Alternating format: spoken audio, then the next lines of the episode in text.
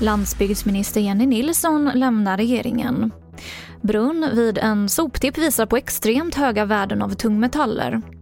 Och patienter med ätstörningar har ökat under pandemin. TV4-nyheterna börjar med att landsbygdsminister Jenny Nilsson lämnar regeringen och återgår till att bli riksdagsledamot. Och det här beror på att Socialdemokraterna vill säkra tillräckligt många röster i kommande statsministeromröstningar. Till DN så säger hon att det här är rätt beslut för henne.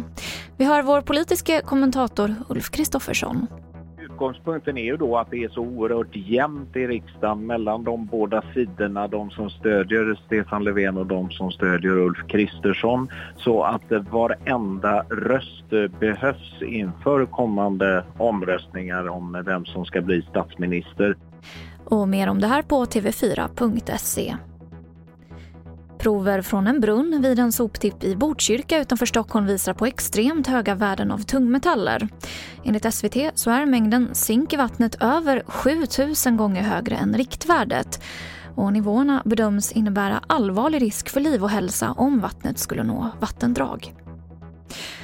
I Halland så har patienter med ätstörningar ökat med 26 procent under pandemin. Det här rapporterar SR om.